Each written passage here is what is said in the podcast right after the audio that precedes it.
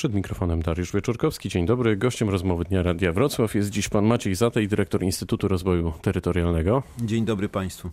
Aktywiści i ekolodzy mówią wyraźne i głośne nie dla sprzedaży węgla brunatnego przez kopalnie, bo nie można nim palić, ale można go sprzedawać. To trochę taka paranoja, mam taki dysonans poznawczy. O co tutaj chodzi? Jak to możliwe w ogóle? No, możliwe jest, ponieważ y, prawo ochrony środowiska, artykuł 96 dał możliwości wprowadzenia przez sejmiki województw ograniczeń co do stosowania paliw, ale co do ich stosowania i używania przez użytkowników instalacji grzewczych. Natomiast y, nie oznacza to, że takie paliwo będzie zakazane y, w obrocie detalicznym na rynku. A powinno być? W tej sytuacji tak, no bo powinna być zastosowana pewna konsekwencja. Zresztą, jeżeli resort środowiska godzi się na wprowadzenie ostrzejszych norm co do informowania i alarmowania o, o stanie powietrza, to, to konsekwencją tego powinno być także wprowadzenie zakazów obrotu detalicznego właśnie takich paliw, które generują zanieczyszczenia do powietrza w przypadku spalania. No takim właśnie paliwem jest węgiel brunatny. Węgiel brunatny jest w tej chwili wykorzystywany jako podstawowy surowiec do produkcji energii elektrycznej i w przypadku spalania w kotłach e, odpowiednio do tego e, przystosowanych w wysokich temperaturach przy zastosowaniu filtrów e, ta emisja zanieczyszczenia do powietrza jest inna zupełnie. No i przede wszystkim nie jest to niska emisja, nie jest to emisja generowana przez kominy, kolokwialnie rzecz ujmując, w miastach. To właśnie, to zatrzymajmy się tu na chwilę. Dlaczego nie możemy tym węglem brunatnym palić w naszych domach? No właśnie poprzez fakt, że on, ten, ten węgiel jest dość niskokalorycznym paliwem, e, a przy spalaniu daje bardzo dużą ilość e, substancji szkodliwych. Emisja pyłu zawieszonego, emisja benzoalfa-pirenu i przede wszystkim tlenków siarki. I to powoduje, że, e, że mamy zanieczyszczone powietrze, niezdrowe powietrze, mocno negatywnie oddziałujące na zdrowie człowieka. To już samo w sobie nie, nie brzmi sympatycznie. To jak to jest, że kopalnia Turów sprzedaje ten węgiel a mieszkańcy nim palą? Kwestia świadomości. E, I nad tą świadomością musimy pracować. E, ja cieszę się bardzo, że w ślad za pismem, które wystosował pan marszałek e, województwa dolnośląskiego Cezary Przybylski do PGE, następnym krokiem była też reakcja pełnomocnika rządu do spraw jakości powietrza, pana Piotra Woźnego, który także w jednoznacznych, radykalnych słowach skierował właśnie pismo do e, PGE i z taką prośbą, naciskiem, aby wycofać się ze sprzedaży detalicznego, ponieważ nieświadomi mieszkańcy e, nie znają przepisów prawa, nie, nie wczytują się w dość skomplikowane zapisy uchwał antysmogowych. No ale jeżeli dostrzegają, że w sposób legalny można zakupić paliwo na rynku, to znaczy, że ono jest dozwolone i można tym palić. No i właśnie tej niekonsekwencji prawnej obywatele nie do końca rozumieją. Więc tu musimy poprawić też prawo na poziomie y, y, centralnym. To brzmi fatalnie. Uchwała antysmogowa była przyjęta dwa lata temu, funkcjonuje od lekko ponad roku, ale czy efektywnie działa, Pana no, zdaniem? Tak, przypomnijmy, 30 listopada 2017 roku Sejmik podjął trzy uchwały dla Wrocławia, dla uzdrowisk i dla pozostałej części województwa.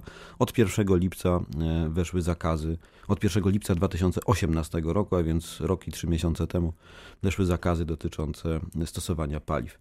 W dużej części e, ta uchwała funkcjonuje. Ale Przed... działa czy nie działa, Pana e, zdaniem?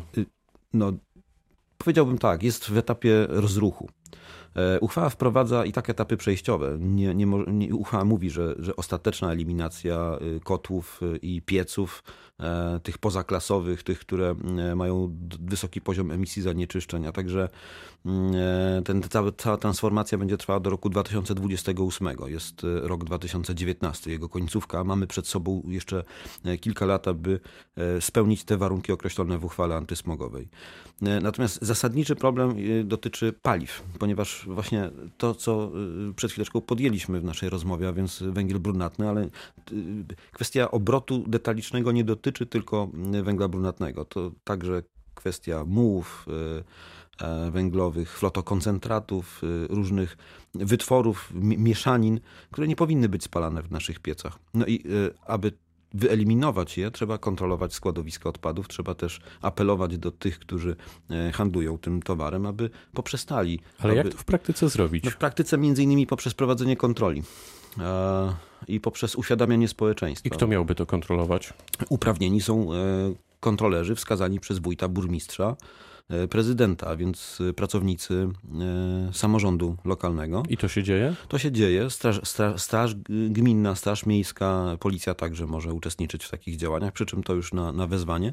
Natomiast zorganizowane działania kontrolne mogą być prowadzone przez samorządy i w tym też celu marszałek województwa podjął decyzję o przeprowadzeniu szkoleń.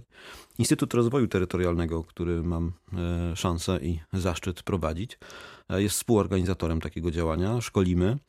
E, odbywają się w tej chwili szkolenia współfinansowane przez Wojewódzki Fundusz Ochrony Środowiska i Gospodarki e, Wodnej i w dniach 28-29 to już anonsuję też, bo być może jeszcze ktoś z Państwa zechce. Za niespełna tydzień. Tak jest, ale jest jeszcze, są ostatnie miejsca. Kilka miejsc zostało do dzisiaj, do 12. Jeżeli ktoś zdąży, to zapraszamy serdecznie do zarejestrowania się na takie szkolenie dotyczące sposobu E, egzekwowania. Gdzie to można zrobić? E, na stronie internetowej e, Instytutu Rozwoju Terytorialnego podam adres www.irt.wroc irt.wroc.pl irt.wroc.pl i tam e, od pierwszej strony za rękę będzie e, zainteresowana osoba przeprowadzona, w jaki sposób się zarejestrować na to szkolenie. We Wrocławiu e, jednodniowe szkolenie, pierwsze w dniu 28, drugie w dniu 29 października. Serdecznie zapraszamy. Z danych Dolnośląskiego Alarmu Smogowego wynika, że tylko 40% mieszkańców regionu wie, czym w ogóle jest uchwała antysmogowa. Jak poprawić ten wynik? E, informować, e, edukować, e, wprowadzać do procesu dydaktycznego do szkoły. Ja myślę, że też dużą rolę mają do odegrania wszystkie organizacje społeczne, w tym także Kościół. Papież Franciszek powiedział, że trzeba rozważyć wprowadzenie grzechu ekologicznego, a więc dla osób wierzących, a w Polsce, która się tak definiuje, E, to myślę, że powinno być e, podstawowy e, wątek do przemyśleń. Więc ten Świat jednak idzie do przodu. Grzech, grzech ekologiczny jest czymś, co trzeba wziąć sobie pod uwagę i uderzyć się we własne sumienie. Ale poza tym edukować i nagłaśniać. Samorząd województwa przygotowuje w tej chwili kampanię, a czekamy na E, odpowiedni moment startu. To się wydarzy właśnie za chwileczkę z dniami, e, które będą wyjątkowo właśnie paskudne. Na razie mamy, e, bardzo się cieszę z tego powodu, piękną jesień, słoneczną, E, w związku z tym tej sytuacji pogodowej, która sprzyjałaby e, zaleganiu zanieczyszczeń powietrza przy powierzchni Ziemi nie ma. Więc tej sytuacji smogowej czy sprzyjającej występowaniu zanieczyszczeń nie ma, ale to, to się za chwileczkę zmieni, bo już sygnały pierwsze już ze stacji, tak, ze, ze, stacji już, już mamy taki wzrost, także lekko powyżej e, normy przekroczenie ale, ale prawdopodobnie tendencja będzie w listopadzie, w grudniu e, wyższa. A jak nam w ogóle idzie walka ze smogiem? Ludzie sobie biorą do serca apele aktywistów? Ja myślę, że Ekologów. tak. Ja myślę, że to, to się zmienia też. Y, ta, ta dyskusja na temat jakości powietrza jest ściśle powiązana w ogóle z kryzysem klimatycznym. To, to równolegle w debacie publicznej istnieje. I takie postacie jak y, Greta Thunberg czy, czy aktywiści w Polsce E, no, przebijają się do tej świadomości. Coraz bardziej. Zieloni weszli do parlamentu pierwszy no, raz. Mamy pierwszy, tak, w historii wynik. Gratuluję Zielonym.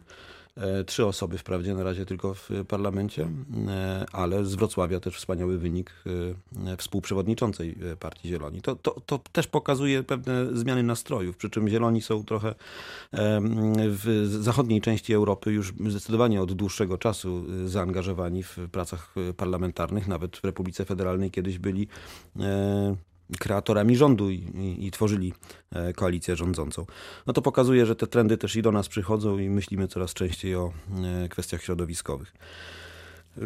Rok temu o podobnej e, porze również rozmawialiśmy o smogu i o walce o czyste powietrze. Coś się udało przez ten rok efektywnie poprawić, zmienić? Ja myślę, że na tyle, na ile mamy y, kompetencje w samorządzie województwa, to, to myśmy wykorzystali bardzo ten czas na rozpoznanie sytuacji. To, to jest przede wszystkim Wie nasza... pan, dlaczego pytam? Dlatego, że tak sobie myślę, że jak nas słuchacze słuchają w tej chwili i patrzą na to, co się dzieje, to mogą mieć takie poczucie, że oni sami w pojedynkę nie zmienią tego świata i po prostu trochę nie mają mhm. też w związku z tym motywacji. Dlatego stąd moje pytanie, czy jest jakieś światełko w tunelu, które pokazuje nam, że warto w tej chwili wziąć się za ten odcinek. Odwrócę to pytanie troszkę, bo to jest tak, że jak wyrzucę tę słomkę, to się i tak nic nie stanie. Pomyślało 8 miliardów mieszkańców Ziemi. Więc jeżeli, jeżeli mówimy o takim... To byśmy mieszkali na słomkach. No, no, no tak, ale de facto wielka wyspa plastiku wielkości Francji pływa po, po oceanie. Także to, to yy, każdy, każda słomka, każda kropla ma swoje znaczenie. Yy, ka każdy wniosek yy, mieszkańca o udzielenie dotacji na zmianę y, systemu grzewczego, każde zainteresowanie się po pojawiającymi się na rynku nowymi możliwościami technologicznymi, a także finansowaniem tych możliwości, takich jak na przykład panele fotowoltaiczne czy pompy ciepła. To są, to są rozwiązania y, z wyższej półki technologicznej, które są coraz bardziej dostępne. Lodówka kiedyś też była niedostępna i zarezerwowana dla elita, a dzisiaj nie ma chyba gospodarstwa domowego, które nie korzysta z takiego rozwiązania, a przecież pompa ciepła to jest nic innego jak odwrócenie działania lodówki. W związku z tym to będzie powszechne, to będzie e, coraz mocniej wchodziło na rynek, nie będzie drogie. E, sądzę, że, że w którymś momencie wyeliminuje w ogóle spalanie paliw stałych. Wrocław e, wprowadził alarm klimatyczny. Co to w praktyce oznacza? To jest dobry ruch? No tu, żebyśmy sobie jasno powiedzieli, alarm klimatyczny i działania antysmogowe, one są powiązane poprzez kwestie ekologiczne, ale dotyczą różnych spraw. Smog nie wpływa na E, e, zmiany klimatyczne. Na zmiany klimatyczne wpływa olbrzymia emisja gazów cieplarnianych, przede wszystkim dwutlenku węgla i metanu. E, alarm klimatyczny w praktyce pokazuje jedno. Mieszkańcy i my, politycy, nie zgadzamy się na dalsze działanie w taki sposób gospodarki. Ta gospodarka musi być zmieniona. E, to jest też pewna propaganda, powiedzmy sobie, adresowana do mieszkańców, że, żeby brali sobie do serca bardziej kwestie ekologii i kwestie tego, w jaki sposób funkcjonują w przestrzeni, w jaki sposób y, działają, e, w jaki, jaki sposób definiują swoje, swoje cele zawodowe i, i prywatne.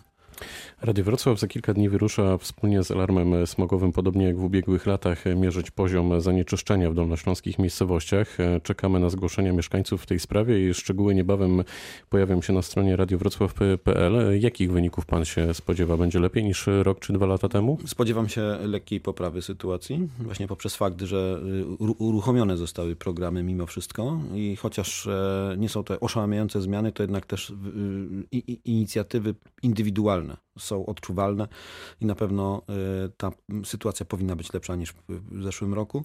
Powinniśmy ze względu właśnie na poprawę świadomości społecznej odnotować e, e, poprawę. Ale to nie wszystko, bo jeszcze, jeszcze muszę o jednej kwestii powiedzieć.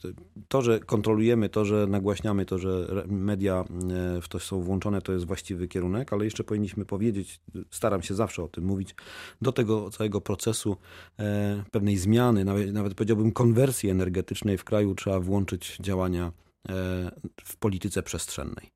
Musimy zadbać o to, aby skoordynować rozwój przestrzenny naszych miast, naszych osiedli e, z rozwojem infrastruktury transportowej i infrastrukturą ciepłowniczą na przykład. Bo e, w Instytucie Rozwoju Terytorialnego przeprowadziliśmy w zeszłym roku badanie dotyczące rozwoju sieci ciepłowniczych. No i wynika z tego niestety negatywny wniosek. Rozwój przestrzenny to jest inny zupełnie kierunek, podyktowany innymi celami, głównie komercyjnymi, głównie e, sprzedażą nowych terenów e, pod zabudowę mieszkaniową, ale nie zawsze w przestrzeni województwa dolnośląskiego jest to skoordynowane z istniejącą siecią ciepłowniczą lub potencjalnymi kierunkami rozwoju tej sieci ciepłowniczej.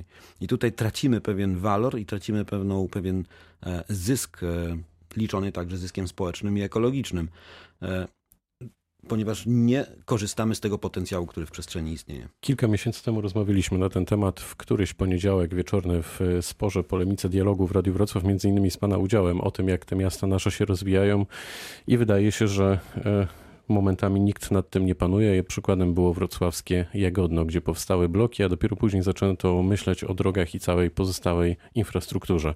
Ale to jest temat na zupełnie inną rozmowę. Bardzo dziękuję za spotkanie. Gościem rozmowy Dnia Rady Wrocław był pan Maciej Zatej, dyrektor Instytutu Rozwoju Terytorialnego. Bardzo mi miło, wszystkiego dobrego życzę państwu. Pytał Dariusz Wieczorkowski, bez mgły dziś. Dobrego dnia.